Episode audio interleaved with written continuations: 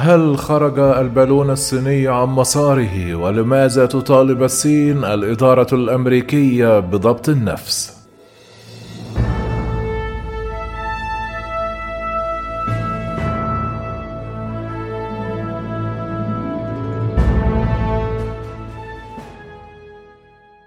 تقول السلطات الصينية أن منطاد المراقبة الذي شوهد فوق أراض أمريكية حساسة هو منطادها، لكنها تصر على أن الغرض منه هو إجراء أبحاث حول الطقس وأنه قد انحرف عن مساره بفعل رياح غير متوقعة.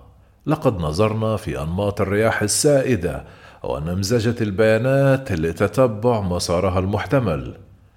تم رصد هذا البالون وهو يسافر عبر الأراضي الكندية قبل ظهوره فوق مدينة في ولاية مونتانا يوم الأربعاء حيث رصده سكان المدينة في السماء.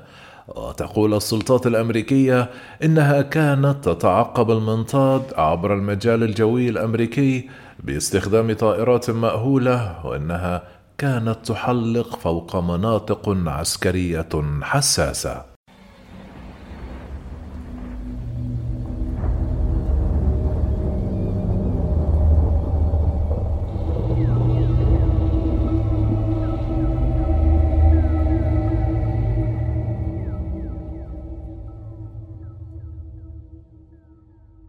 كما حثت الصين الولايات المتحدة على معالجة الأمور بهدوء حيث قرر وزير الخارجية الأمريكي أنتوني بلينكين الذي ألغى في وقت سابق زيارته لبكين قائلا إن وجود منطاد المراقبة كان عملا غير مسؤول. في وقت لاحق أعلنت الولايات المتحدة الأمريكية عن بالون ثاني يطفو فوق أمريكا اللاتينية. كما عربت الصين عن أسفها بشأن المنطاد فوق أراضي الولايات المتحدة الأمريكية قائلة أنه ضل طريقه وأنه تم رصده آخر مرة فوق ولاية ميزوري. من المتوقع أن يصلوا إلى الساحل الشرقي لأمريكا بالقرب من ولاية كارولاينا في نهاية هذا الأسبوع. قررت الولايات المتحدة عدم إسقاط المنطاد على ارتفاعات عالية بسبب ما تدعيه من خطر سقوط الحطام على المواطنين. يأتي الحادث وسط توترات بين الولايات المتحدة الأمريكية والصين. وقالت وزارة الخارجية الصينية في بيان يوم السبت أن بكين لم تنتهك ابدا أراضي ومجال أي دولة ذات سيادة. حيث قالت إن وانغ بي كبيرة شؤون مسؤول السياسة الخارجية ناقشنا الحادث مع السيد بلينكين وزير الخارجية الأمريكية عبر الهاتف مؤكدة أن الحفاظ على قنوات الاتصال على جميع المستويات هو أمر مهم خاصة في التعامل مع بعض المواقف غير المتوقعة بطريقة هادئة وموثوقة. كما أضافت أن بكين لن تقبل أي تخمين أو دعاية لا أساس لها من الصحة كما أنها أيضا اتهمت بعض السياسيين ووسائل الإعلام في الولايات المتحدة الأمريكية باستخدام الحادث كذريعة لمهاجمة الصين وتشويه سمعتها. وبحسب مسؤولين أمريكيين حلق المنطاد فوق ولاية ألاسكا وكندا قبل أن يظهر فوق ولاية مونتانا الأمريكية والتي تضم عددا لا بأس به من مواقع الصواريخ النووية الحساسة.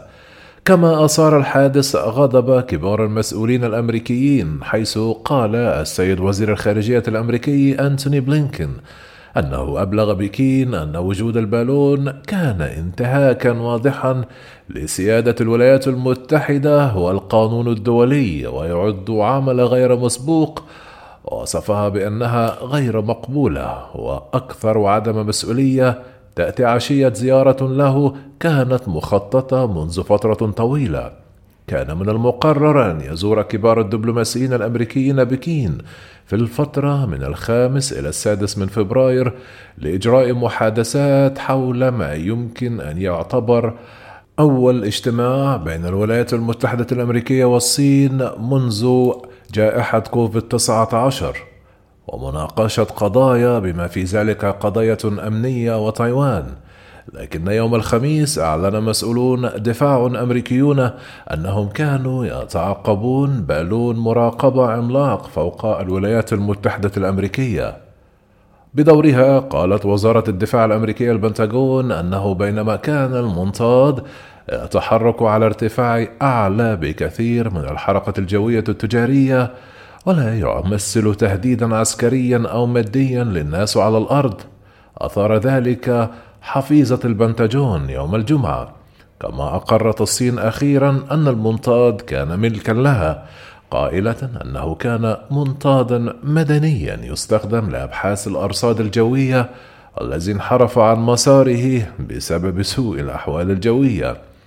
في وقت متأخر من يوم الجمعة قال البنتاجون أنه تم رصد بالون تجسس صيني ثاني لكن هذه المرة كان فوق أمريكا اللاتينية.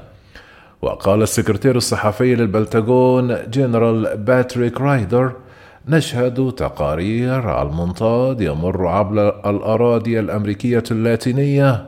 كما صرح السكرتير الصحفي للبنتاجون جنرال باتريك رايدر قال أيضا نحن نشهد تقارير عن منطاد آخر يمر عبر أمريكا اللاتينية. وهو بمثابة منطاد مراقبة صيني ولم يقدم مزيدا من التفاصيل حول موقعه لكن تم الإبلاغ عن مشاهدات فوق كوستاريكا وفنزويلا. لم تدل الصين حتى الآن بأية تعليقات عامة عن البالون الثاني المبلغ عنه.